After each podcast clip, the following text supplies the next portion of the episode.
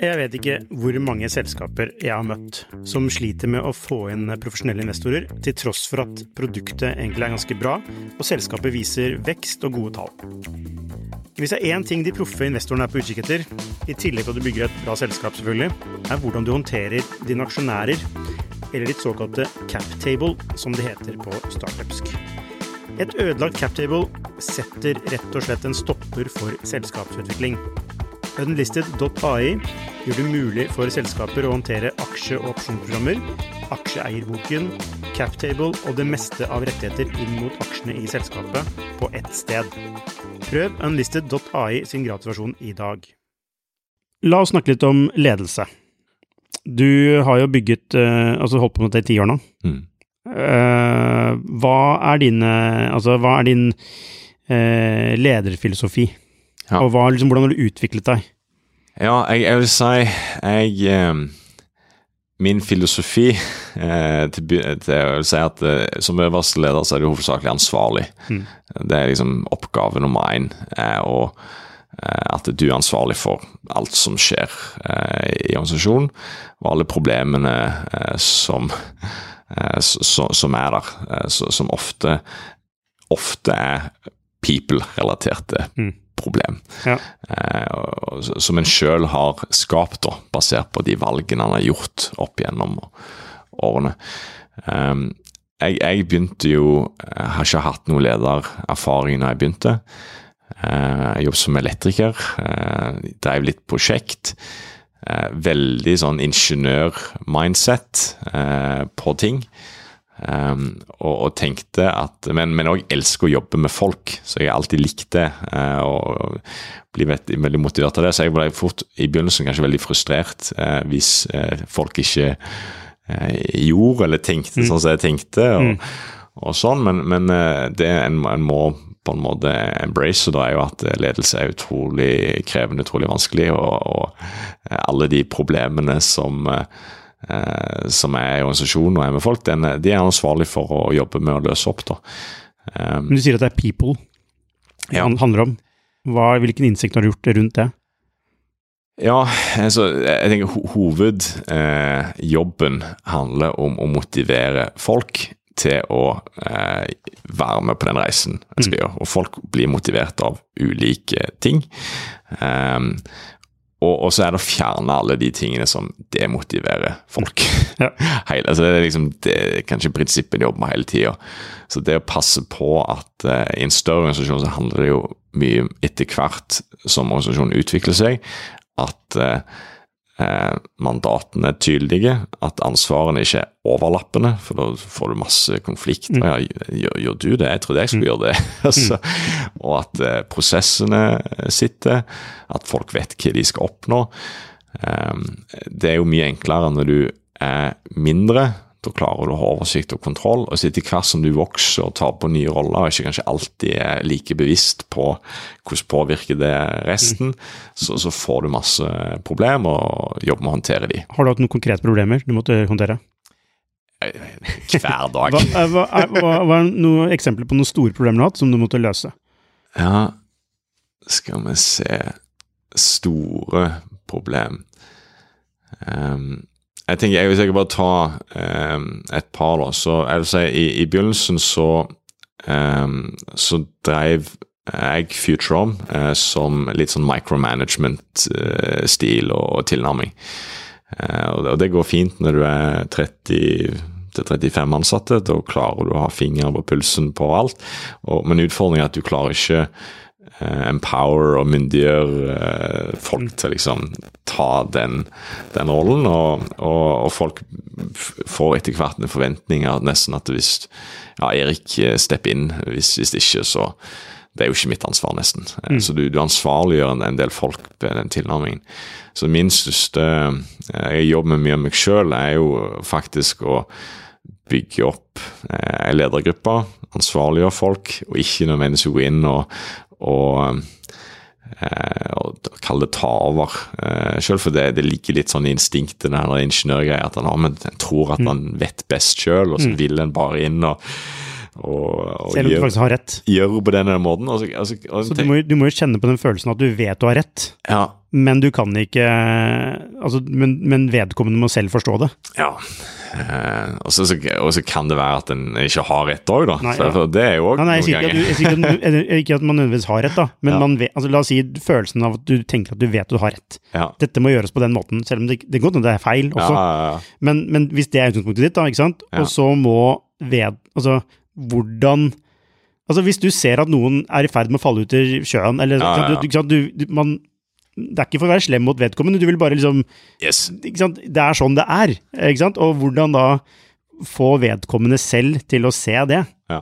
Nei, det, det er sånn som han, eh, han ene som eh, vi fusjonerte inn med, som eh, han har mye mer ledelseserfaring enn meg, så jeg får masse råd av han òg. Han heter Ove Christensen. Han sa det at når hans sjef sa at eh, du, jeg, eh, du, nå kan du bare springe ut og opp mot målet ditt, eh, og hvis du går på trynet, så er det greit. Da hiver jeg ut redningsvesten. Det gjør jeg én gang. Så ikke gjør det to ganger. Ja, hva tenker du om det? Ja, det, og det tenker jeg er eh, Man én sjanse? Nei, jeg vet ikke om en sjanse er kanskje litt for, for hardt, men, men jeg husker min egen eh, reise, da, så jeg var Og jeg har sett så mange folk som har blitt kasta ut, og de det de, de går gjennom en, en utvikling som er helt crazy. Så jeg, jeg liker å gi folk eh, eh, st ganske store eh, ansvarsområder, og se hvordan de håndterer det. Eh, også hvis de håndterer det, så liker jeg å legge på mer. Og se om de håndterer det. Eh, så ligger jeg på kanskje enda mer. Og så er det virkelig Så blir utbrent. Ja. Ja, så blir de kanskje utbrent, men, men så er det ok, her må du trekke litt inn. Ja. Eh, altså det å jobbe med og det er så Hvis de ikke utrolig håndterer det, hvordan, hvordan håndterer du det? Hvis de ikke håndterer det? ja, Hvis de ikke håndterer det, så, så, eh, så, er, så må de begynne å, å fjerne ting. Og, ok, dette ansvarsområdet overfører vi her. Eh, og, og hvis det fortsatt ikke fungerer selv om du begynner å fjerne ting, så må du jo enten eh, prøve de i en annen rolle. Eh, og bare si ok, du, nå ansetter vi ny inn i denne rollen, men jeg tror at du kan være flink her, hvis det er en person en fortsatt ønsker å satse på. Eh, eller, eller så må en bare, hvis en ikke har budsjett og mulighet til det, så må en jo bare si så dette funker ikke. Det er bedre at vi går hver vår vei. Så hvor obs har du blitt på viktigheten av å ansette riktig? Ekstre, det er jo viktig hele, hele tida. Jeg skal ikke si at jeg er råflink på alt de treffer riktig, for jeg òg har latt meg sjarmere av kjempedyktige Ja, få høre. De, de gangene du har faktisk gjort en feil på Hva kjennetegner de prosessene hvor du har gjort en feil på ansettelser? Altså, De som kjennetegner de, er at jeg, treffer en person som har mega selvtillit, stråler selvtillit, eh, og jeg blir litt solgt på det. Eh, og bare ok, shit, eh, og blir litt revet med. Og, når jeg, og selv når jeg sjekker de tingene, så, så virker det bra. Og så kommer de inn, og så, og så funker det ikke. I noen tilfeller er det at det er ingen struktur, eh, dårlig kvalitet, eh, og det merker jeg ganske fort. Så jeg har i noen tilfeller eh, blitt sjarmert eh, i, i noen sånne intervju, og, og bare ok, han her går vi for, uten at de går gjennom de der normale eh, gatekeepers uh, i en ansettelsesprosess. De går fast track. De går fast track, og det, så nå, nå treffer ikke jeg folk, heldigvis, uh, før de har gått gjennom ja. Og de, hva, hvordan ser de ut, da, disse gatewaysene som uh... Si det, det, det begynner jo med screening og, og sånn, og så er det eh, ofte en case.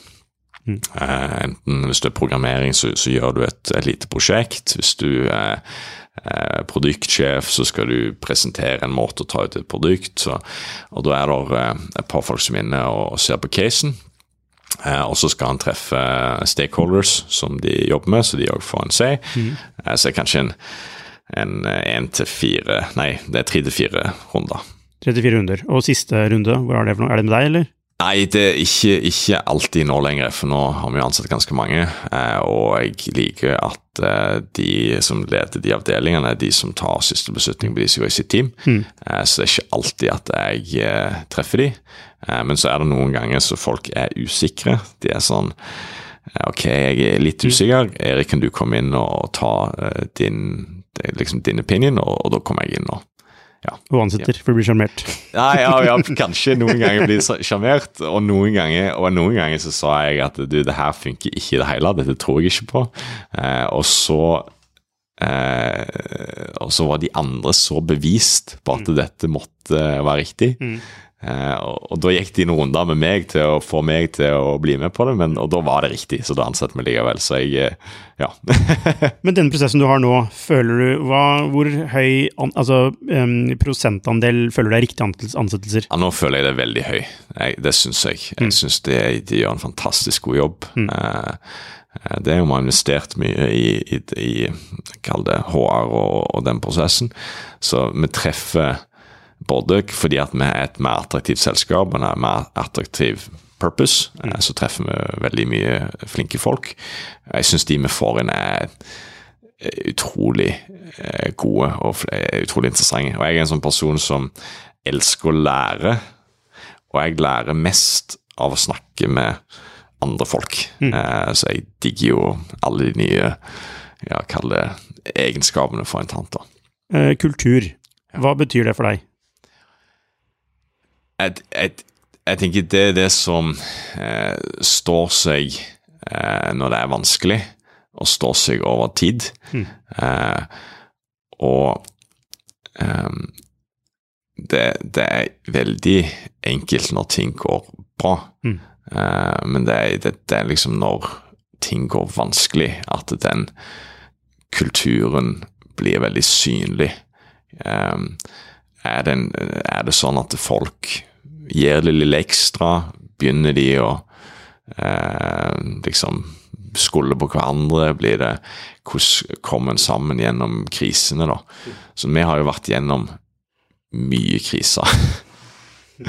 det kan jeg si. eh, Og, og det Vi har alltid stått gjennom det, og vi har alltid kommet sterkere gjennom det. Så ikke det er vanskelig for meg å definere, for vi har ikke gjort på ti år så har vi ennå ikke gjort den der øvelsen der vi setter fem verdier og legger de på veggene. Eh, for det, jeg føler at de, de tingene skal være så veldig bevisst og eksplisitt, så jeg har ikke nesten tort å gjøre den øvelsen. Men eh, kulturen er jo det en, en velger å gjøre over tid som ledere, og det, de tingene en er konsistent på over tid. Ja. Ting som skjer liksom på automatikk også. Ja. Altså og noen definerer at kultur er det du gjør når ingen andre ser, ser på. Ja, ja. ja det, det kan jeg kjøpe. Ja. Det, Eh, men altså, mener, altså, kultur er viktig. Uh, er, er det sånn at uh, eh, Har det vært viktig for dere med kultur? absolutt. Ledende spørsmål, men liksom, da lurer jeg på liksom, hva, er, hva, er, hva, er det den, hva er det kultur Hvilken verdi er det det bringer? ja. jeg kan si et par ting. Så ehm, vi hadde i begynnelsen eh, altså, Vi klarte aldri å betale markedet. Eh, vi hadde ikke ressurser til det. Så de fleste som er ansatte, de måtte gå ned 10-20% i lønn. Fordi vi hadde ikke råd til noe annet. Eh, Så, så det som gjorde at folk valgte å gjøre det, og da òg valgte å bli når de fikk konkurrerende tilbud, det var jo den kulturen som vi hadde klart eh, å skapt. Så jeg synes det, Og nå har vi heldigvis klart å, å løfte nivået, så nå vil jeg si at vi er på markedet. Eh, Men, men vi hadde aldri klart å kommet oss hit med mindre vi hadde eh, liksom klart å Vi hadde òg en veldig eh, kall det kostnadseffektiv kultur. Ja. Fordi vi hadde jo ref disse 300 000 kronene, så vi tenkte det holder oss veldig lenge. Ja. Eh, så, så det òg setter seg i selskapet og gjør noe med hva en en, en må gjøre en del hardere prioriteringer da, på hva en kan gjøre, hva en ikke kan gjøre. Eh, og det er kanskje det som en, en da vokser, at en klarer å holde på de kjernetingene i kulturen. Så dere er sånn gniende Nei, det vil jeg ikke si. Nå er vi ikke det. Nå syns jeg vi bruker penger i øst og vest. Men, uh, Men disse verdi, det er interessant det du sier med disse verdiene. eh, At man skal, det er veldig mange som har, begynner med det Ja. for å lage kultur, men, men eh, er, det, er det sånn man skaper kultur? Ja, jeg, jeg, det, jeg, kan nok gjøre det, og vi har diskutert internt. Eh, og Da blir jo de veldig låst. Eh, og, så, eh, og så er det jo ekstremt viktig da at en lever At det ikke er en sånn fake navn? ja, nei, Da må en jo leve det spesielt i de tøffe periodene. Eh, og, og bruke det hele tida. Så vi òg Nå har vi lagd en shortlist av ti verdier. Ja, ok, det er Så vi- er stykker. Ja. Så vi, vi begynner å, å narrow it, uh, it down. Um, så, så vi òg skal nok komme, komme dit. Hvis, du, hvis du skal velge ut to av de, Ja, eller én ja jeg, jeg kan ta tre verdier som jeg sjøl eh, lever Mm. som jeg, jeg syns er veldig enkelt å leve etter, fordi de er ganske core for meg. Og Det ene handler om uh, det å være uh, curious, Mm. det å være nysgjerrig. Det handler både om å være nysgjerrig på mennesket og åpen for folk og det, det de bringer til bordet, ikke ha for mye fordommer. Eh, Men òg ja, nysgjerrig på nye muligheter og, alt. Eh, Så jeg ble, det er jo en, en quote som heter eh, 'Curiosity is the cure to boredom'. Ja. Så hvis du er nysgjerrig, så kjeder du deg aldri. Det er noe som heter Curiosity, Curiosity Kill the Cat også. Ja, ok, den har jeg ikke hørt, Litt negativ. ok, det, det er kanskje flipsida. Ja, ja. ja, ja. Eh, og så syns jeg en, en annen som er viktig, er det med responsibility og ansvar. Um, jeg leste ei bok der som jeg delte med mange ansatte, som heter Extreme Ownership. Ja. Uh, av en sånn Navy Seal-fyr som uh, har skrevet om, om det mindsettet med å ta ekstrem ansvar. Og gå virkelig utover um, uh, deg sjøl og sørge for at du gjør alt det du kan for å unblocke deg sjøl. For det er, det er, det er så mange muligheter for å Alle kan unnskylde vekk alt for hvorfor en ikke fikk det til.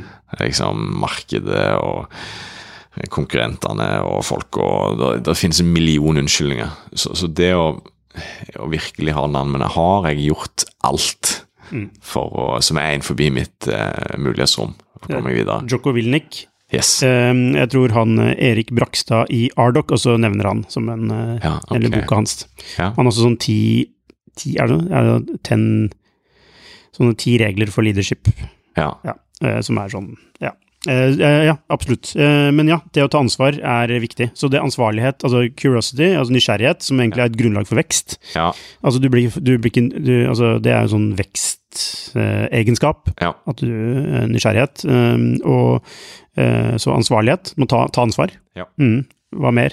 Ja, altså min, jeg vet ikke om det er en verdi, da, men jeg, i mitt hode er det en verdi, men men det people.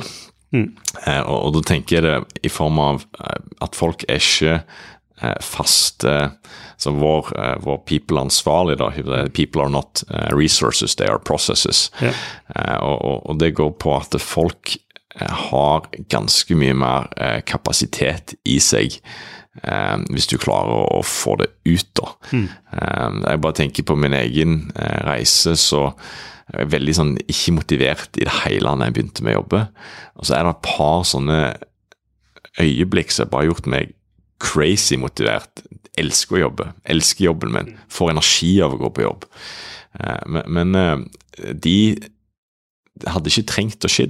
Det kunne være andre tilfeldigheter som gjorde at jeg eh, ikke Unnskyld, hva, er det som ga den motivasjonen? Det, det var faktisk eh, Når jeg fikk min første jobb eh, i, i Siemens, så i begynnelsen der så var jeg totalt demotivert. Jeg telte minuttene så jeg kunne gå hjem og spille datamaskin og gjøre andre ting. Mm. og så eh, kom der en leder, og, og da var det en som var sykemeldt på den byggeplassen. Og så, og så sa han at du er sykemeldt, er det noen som kan dette fagområdet? Jeg var den eneste som rette opp hånda og hadde hatt det på videregående. Og så sa han du, nå er du ansvarlig for eh, den delen, Eh, det skal leveres til jul. Jeg var helt sånn overwhelmed. Eh, men og det å gå fra alle jobber der du får sånn Du skal møte opp da, du skal gjøre sånn, du skal gjøre sånn, til å få sånn superhårete mål Ja. og helt Det som var veldig bra med den, var at det var et konkret ting som skulle være ferdig, og det var en deadline innen yes, jul. Innen jul. Ja, ja men det er, det er kraftfullt, det. Ja, og jeg, jeg satt oppe dager og netter for å sette meg inn i dette, være superforberedt, og jeg vokste så ekstremt mye eh, gjennom den, eh, den reisen. Hadde jeg ikke fått det, så hadde jeg kunnet Jeg tror aldri jeg hadde vært der jeg er i dag. Bruker du de prinsippene i den daglige driften? Absolutt. Det, det gjør jeg. Har dere et tydelig mål i selskapet? Vi har vi har det. Eh, det som jeg, Hvis jeg skal ta en utfordring av og til med disse målene, er eh, Mange målene er veldig vanskelig å oppnå på egen hånd. Eh, så de blir sånne teammål. Mm, ja. Og, og, og så er de så vi klarer ofte å nå flere av de, altså noen vi ikke leverer på. Og det som kanskje er utfordrende, er å klare å bryte de ned til og eh, folk som gjør at det er mer tydelig hvem som skal gjøre hva. Ja. Så det er en øvelse jeg føler vi ikke har knekt eh, helt. Det jobber vi med. Mm. Bruker du OKRs? Bruker OKRs. Det gjør vi. Mm. Eh, det er en øvelse som vi holder på å gå inn i. Det er ganske ukjent for, for mange. Så jeg vil ikke si at vi har knekt koden, Nei. Eh, men vi jobber med det. La oss komme tilbake litt til OKRs, men tilbake til mål. Altså, hva, eh, Har dere noen hovedmål? Jeg vet ikke hvor mange selskaper jeg har møtt som sliter med å få inn profesjonelle investorer, til tross for at produktet egentlig er ganske bra, og selskapet viser vekst og gode tall. Hvis det er én ting de proffe investorene er på utkikk etter, i tillegg til at du bygger et bra selskap, selvfølgelig, er hvordan du håndterer dine aksjonærer, eller ditt såkalte cap table, som det heter på startupsk. Et ødelagt cap table setter rett og slett en stopper for selskapsutvikling. Unlisted.ai gjør det mulig for selskaper å håndtere aksje- og opsjonsprogrammer, aksjeeierboken, captable og det meste av rettigheter inn mot aksjene i selskapet på ett sted. Prøv unlisted.ai sin gratisversjon i dag.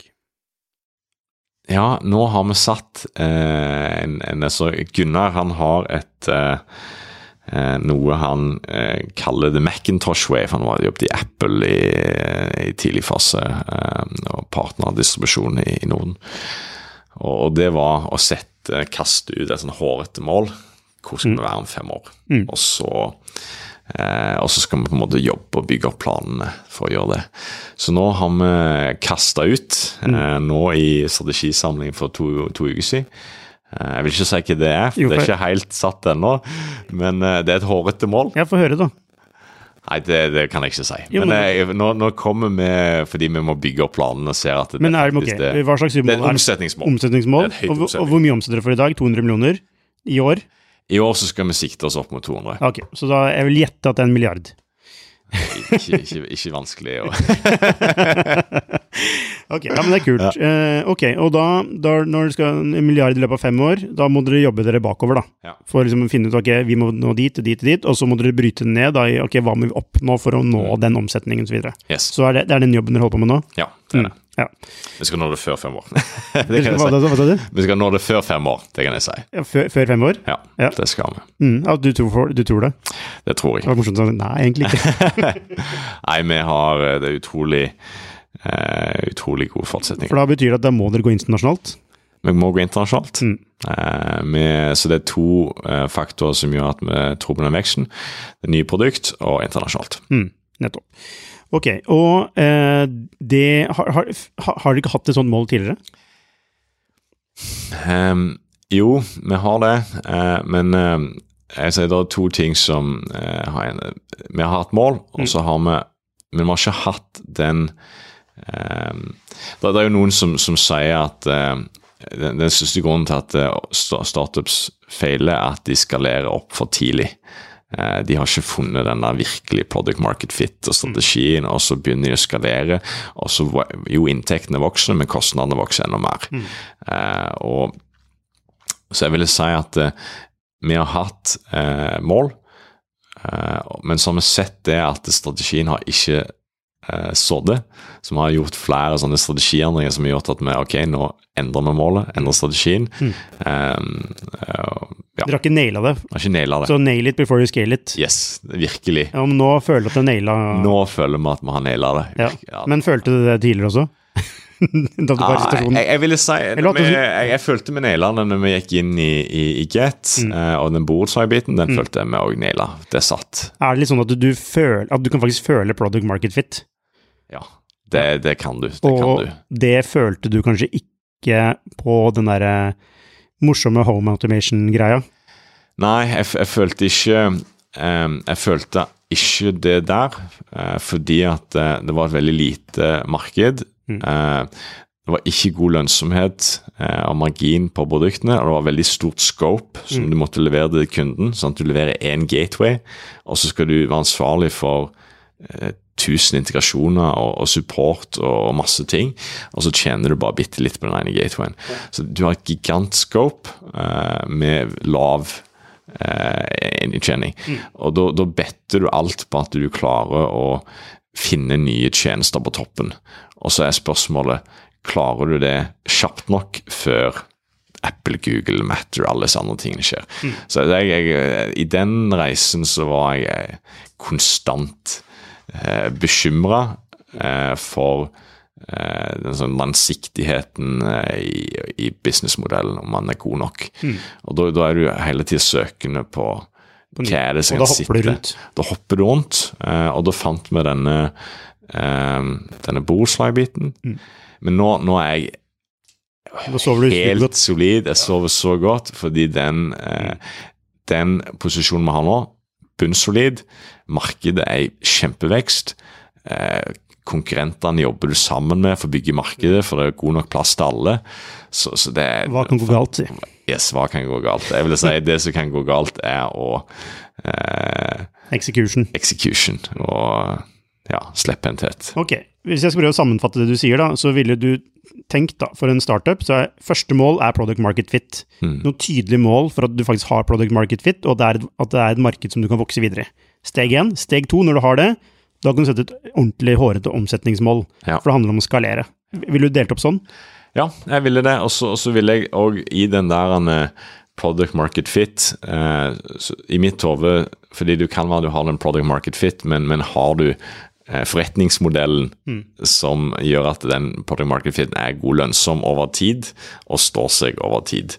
Um, og, og, og da kan du skalere. For det, det, det er der jeg tror at mange tror at de har funnet product market fit, og så skalerer de opp, og så ser de at jo, kundene kjøper produktet, men vi taper nesten penger per kunde vi tar om bord. Ja, ikke sant. Du, Tilbake til dette med OKRs. Dere har prøvd å innføre det, eller dere er i ferd med å innføre det, eller hvordan er det? Eh, vi er i ferd med å innføre det. Begynte nå for fullt i, i år, så vi valgte først å begynne med ledergrupper. Eh, gjort et par iterasjoner. Eh, og så skal vi, når vi ser at det, det sitter, så skal vi ta og bryte det ned i resten av organisasjonen. Mm, så bare for å forklare kort hva OKRs er, det er jo objectives og key results. Så objective er jo noe sånn stort man skal oppnå, Ja. og så brytes det da ned til såkalt key results, som er en tallfesting av noe som hvis du oppnår disse tallene, så skal du til sammen oppnå ditt objective. Riktig. Er det ålreit forklart? Jeg ville sagt det, så ville jeg bare lagt til at objective var litt mer sånn retningssettende, da. Ja. Det- det- Vi skal være best, Ja, ja, vi, vi skal best innenfor strømstyring, eller ha, ha de mest fornøyde kundene, eller ja. Som ikke er sånn tallfesta nødvendigvis. Og så er det på en måte da de key results er tall. ja. Så hvordan, hvordan bruker dere dette her i ledergruppa? Ja. Ehm, så med eh, Måten vi gjør det på, er at vi har eh, kvartalsvis eh, sånn strategi-refresh. Eh, der de i forkant gjør en review av de forrige tre kvartalene. Og ser på hva som funker, hva funker ikke, hvorfor funker det, hvorfor det funker ikke. Eh, og så gjør vi en del refleksjoner på det. Og så har alle forberedt eh, sine forslag til OKR eh, for kommende periode.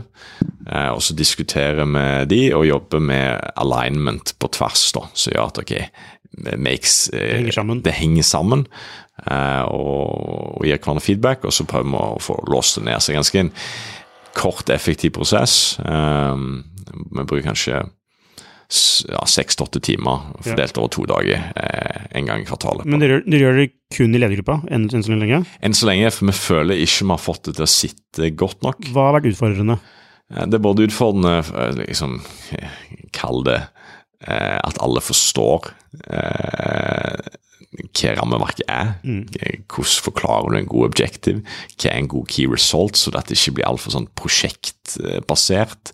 Fullfør lansering av nytt produkt, eh, fullfør prosjekt, prosjekt, prosjekt. Mm. Men at det virkelig blir metric-driven.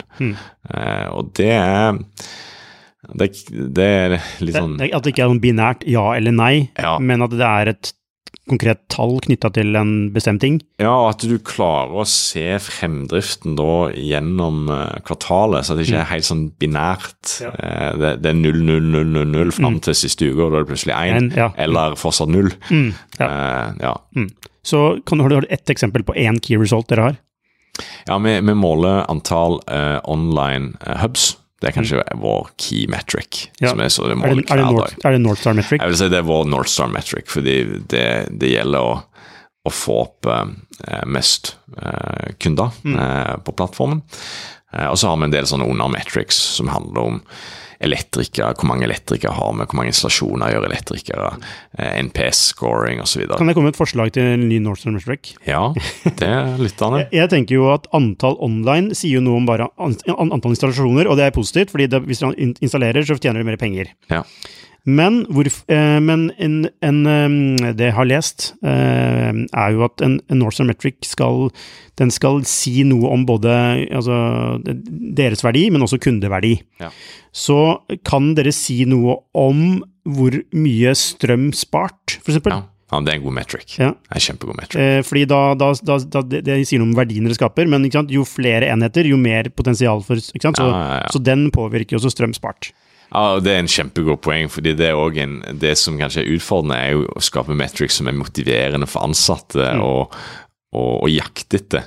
Og Det er mer sånn purpose-driven, fordi ok, strøm spart eh, i en sånn europeisk kontekst der vi bruker gass og kull, så er jo det også CO2 som ikke er blitt sluppet ut, eller, eller strøm som kan brukes andre plasser. Så det er en, ja, men den er notert. Takk for den. Er det sånn, sånn dere ikke har tenkt på den? Nei, jeg, jeg, vi, har, vi har faktisk Den vi har tenkt på, er eh, kilowatt eh, kobla til plattformen. Og det sier noe om mulighetsbildet for strømsparing.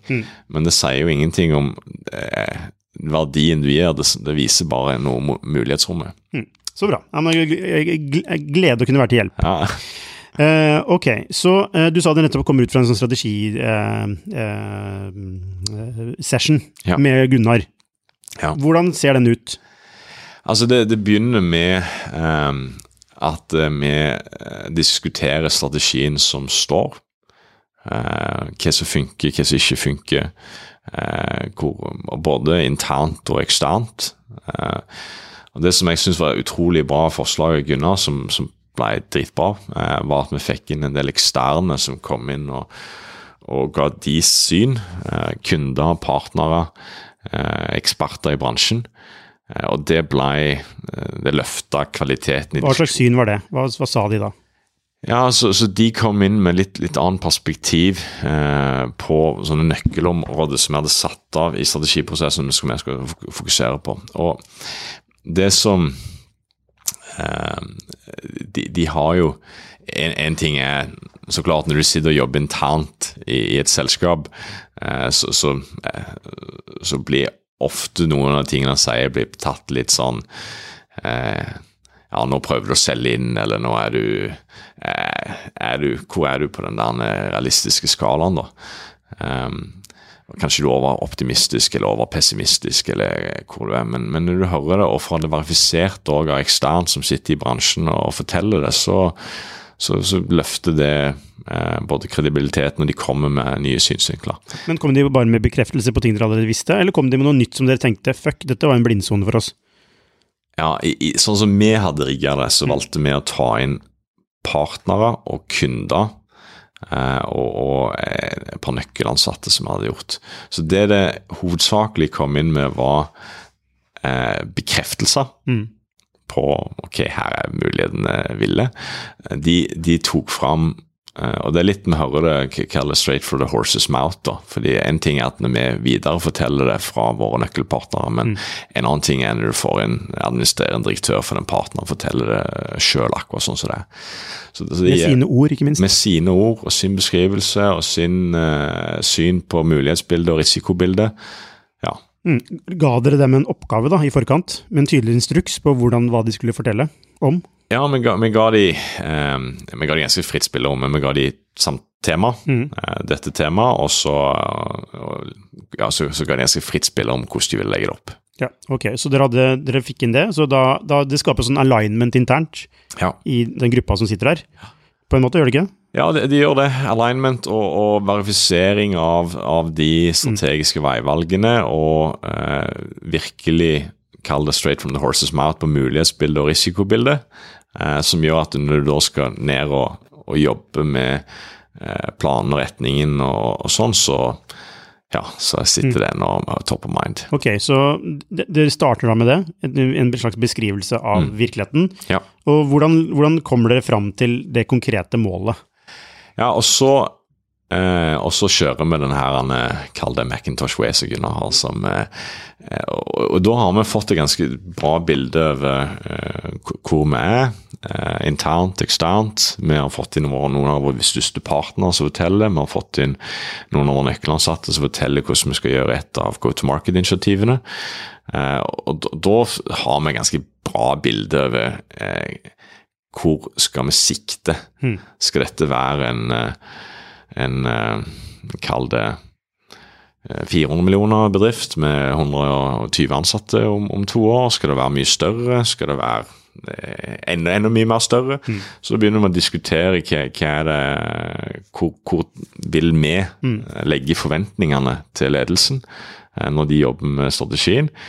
Og så kommer kanskje noen og kaster ut sine tanker om tall og hva som skal til, og sånn, og noen bygger videre på det, og så etter hvert så lander med ok, dette, dette tror vi på. Er det ikke litt kult, da? Tenk at du skal nå en milliard? Ja, det, det er kult. Det er jo litt sånn kult i seg selv. Ja, ja, ja. Altså Det skaper engasjement. Man, og, altså, er du god på mål, så er det, liksom, det må være hårete, men du må også tro på det. da. ja du må det. Du, det må kan ikke være sånn eh, 70 milliarder på to år. Eh, så, men det skaper en, et engasjement, eh, gjør det ikke? Det gjør det, og spesielt når ja, spesielt når han tror på det. Eh, han, han ene, Ove Christensen nevnte, han har jo vært med på en, å lede en lignende reise der det vokste veldig kjapt, sa han. sånn 200, 500, 1 milliard, 2 milliarder, 3 milliarder. Og, og det han sa, var at eh, når du begynner å komme til et visst punkt, da, kanskje 500, så begynner hele selskapet å tro på det. Eh, og Da er det ikke bare ledelsen og styret, og da får du en sånn uovervinnelig kraft, bare nytt gir som trer inn.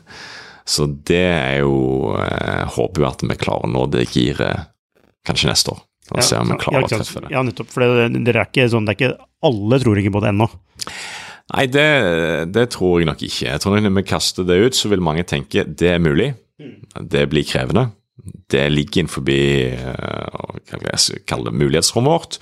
Eh, og så er det masse som kan gå galt på veien. Ja. Mye ting som ikke har på radaren. Dere må jo ha en formening om hvor mye folk dere trenger, Ja. eh, hvor mye penger dere må hente, etc. Altså underveis, ikke sant, Mm. for det skal være oppnåelig.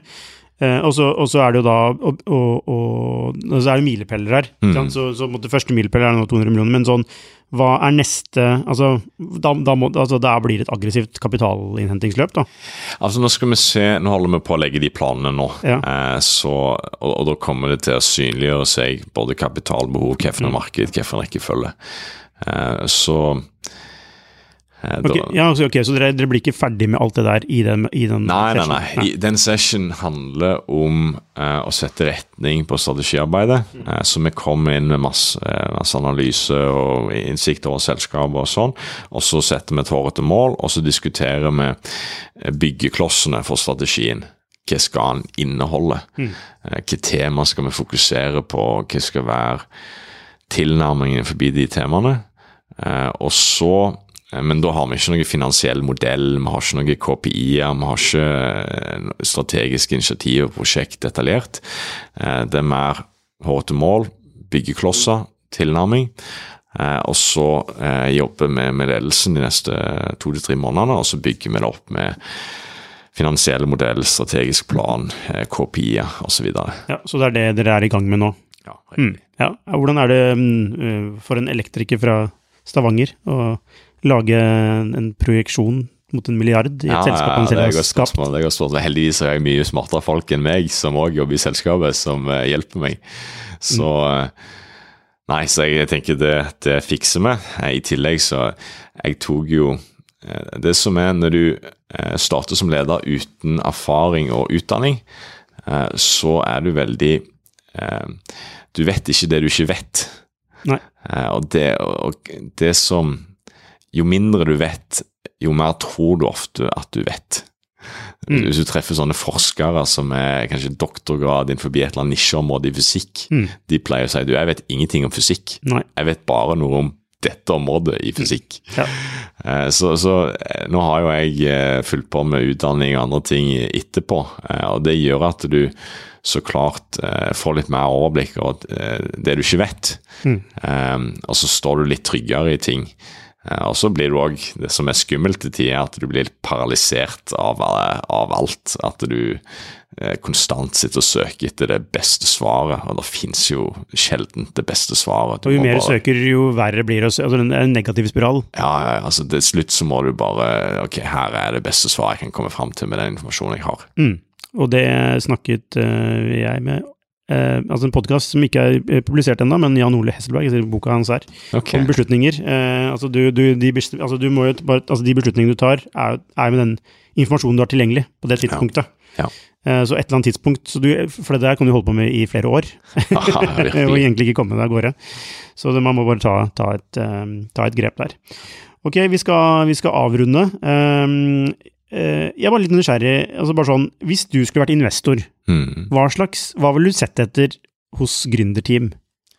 Ja, jeg ville sett etter komplementære ferdigheter eh, som, som gjør at de ja, hvis, hvis det er tre finansfolk, f.eks., så, så er ikke ja, ok, så klart hvis det skal være ultra eh, i finans, så er det sikkert bra, fordi innenfor der så har de ulike skills, men iallfall at det, det, det er noe som er komplementært. Eh, så, så hvis du har et, et team på kanskje to-tre mann, at eh, ok, det må være en som er teknologimann hvis det er teknologitungt. Eh, der er en som må stå ut og, og klare å få jakte inn de første kundene, hvis, hvis det er viktig for den første fasen. Med mindre det er bare å bygge teknologien. Eh, så, så komplementære ferdigheter, det er nummer én. Og så er det noe som tyder på at hvis du klarer å finne noe som tyder på at de klarer å, stå i tunge eh, tider, og at de klarer å stå sammen. Eh, det som er fordelen med vårt gründerteam, er at vi på godt og vondt da, så kjenner vi hverandre ganske langt tilbake. Eh, så eh, og da, da er vi ganske trygge på hverandre. Um, sant? Vi, jeg kjente Bjarne siden vi var ti år gamle. Uh, Sigbjørn og Eivind kjente hverandre siden barneskolen. Uh, så, så noe som tyder på at uh, dette klarer de stå i over tid sammen. Fordi det å ha en, en gründer på eh, cap-tablet ditt som eier ganske mye, som, som eh, forsvinner ut i en tidlig kritisk fase, det er jo ganske ødeleggende. Og dette med, jeg antar at du har lært et og annet om product market fit, som du vil gjerne se etter. Ja, det, det er litt sånn som du sier. Eller, en ting er at Sjøl så føler du det på kroppen, fordi det er en sånn urolighet du kjenner på når du ikke har det, og så er det en komfort du kjenner når du har det. Um, og det, det, tror jeg at når du Hvis en har eh, litt erfaring og, og sånn, så, så ser en jo ganske kjapt sjøl. Jeg liker jo å være liksom, være kunde av produktet og forstå verdiforslaget 100 inn og ut. Og hvis jeg klarer å gjøre det, så, så, så gjør jeg det på, på, min egen vurdering. Hvis det er noe som jeg sjøl ikke forstår, og, og, sånne ting, så er det jo mye vanskeligere. Det er ikke sikkert jeg ville investert i. Nå er ikke jeg investor heller, så Nei, nei, og da er det jo også vanskeligere å forklare til ansatte du må ansette, eller altså, ja. altså kommunikasjon er jo viktig. Ja. Altså, hvis, altså det er lett, du bør jo være lett å kommunisere, fordi du skal jo selge dette produktet 360 grader. Mm, mm. Som investorer, ansatte, ja. eh, kunder eh, etc. Eh, og da bør det være et sånt Altså det du gjør, da, du hjelper folk å spare penger gjennom å spare strøm, ja. basically. Ja, virkelig. Ja, og det er sånn, ok, det skjønner jeg. Det skjønner en, ja. Uh, helt fantastisk år i 2022. Uh, det blir uh, ja, enda bedre i 2023. Og det er vel Hvor mye vil du skylde på da disse strømprisene våre? Um, jeg vil skylde at det det har gjort, er at det har akselerert et, et uh, mindshift. Uh, så selv om strømprisene nå er lavere, så, så ser folk at uh, strømprisene framover eh, kommer til å være mer volatile, det kommer til å gå opp og ned. Og det har tvingt bransje og folk til å Her, her må de være i forkant. Eh, og det står seg over tid, selv om uh, strømprisene er lavere. Ja, nå, har man, nå, har man faktisk vært gjennom den der erfaringen, ja, ja. så nå er det sånn, nå er det, nå er det innprenta, er det ikke det? Yes, jeg ville si det. Ja, jeg jeg si det. Så, så det har hjulpet utrolig mye. Mm. Det er liksom som det, vår foreldreorganisasjon eh, og disse høye bankrentene eh, på 80-tallet, 80-90-tallet, som er 18-20 eh, De har vært veldig opptatt av rente eh, på lån, eh, at den kan gå veldig høyt opp, mens Mm. vi har bare vært vant til lavt rentenivå. Mm. Men eh, kanskje jeg vet ikke hvor mye havner opp i 18-20 igjen. Men, eh, men det er noe med den der, den der sjelsettende opplevelsen av noe som, Ja. som endrer mindsetet ditt. Og Det er rart hvordan det er, altså, fordi en, en sier jo så mye om at en skal lære av eh, andre sine feil, og, sånn, men det er ikke før du kjenner det på kroppen at du virkelig forstår det. Helt enig. Det, det må til. Så der har dere, der har det liksom timingmessig vært bra. Eh, og, og mange sier jo at timing er alt. Ja. Eh, og så er det jo ikke sant, et gründerselskap må må holde ut til timingen er på deres side. Ja, virkelig. og det er kanskje det syngste av og til. Ikke sant. Eh, Erik Stokland, eh, vi har snakket veldig lenge, og, men det har vært eh, utrolig interessant å snakke med deg om eh, reisen til Future Home. Eh, jeg tror jo veldig på at dette kommer til å funke. Eh, kjempebra. Er jo, altså, det er jo lett å si nå, som dere gjør det veldig bra. Men eh, som vi nettopp snakket om, så er jo så er, altså, fremtiden er på deres side. Sånn sett, så jeg ønsker dere bare masse lykke til videre. Tusen takk for det, og tusen takk for invitasjonen. Skulle bare mangle, så håper jeg at du kanskje kommer tilbake en gang i fremtiden. Det gjør jeg gjerne. Hei, hvis du likte denne episoden, så abonner på den, og gi den gjerne en femstjerners rating med dine tanker. Hvis du er interessert i temaene vi tar opp på denne podkasten, så anbefaler jeg deg å gå inn på skifter.no, og hvis du mener vi fortjener det, så kan du gjerne støtte oss ved å abonnere på Skifter. Takk for at du hørte på, så ses vi neste uke.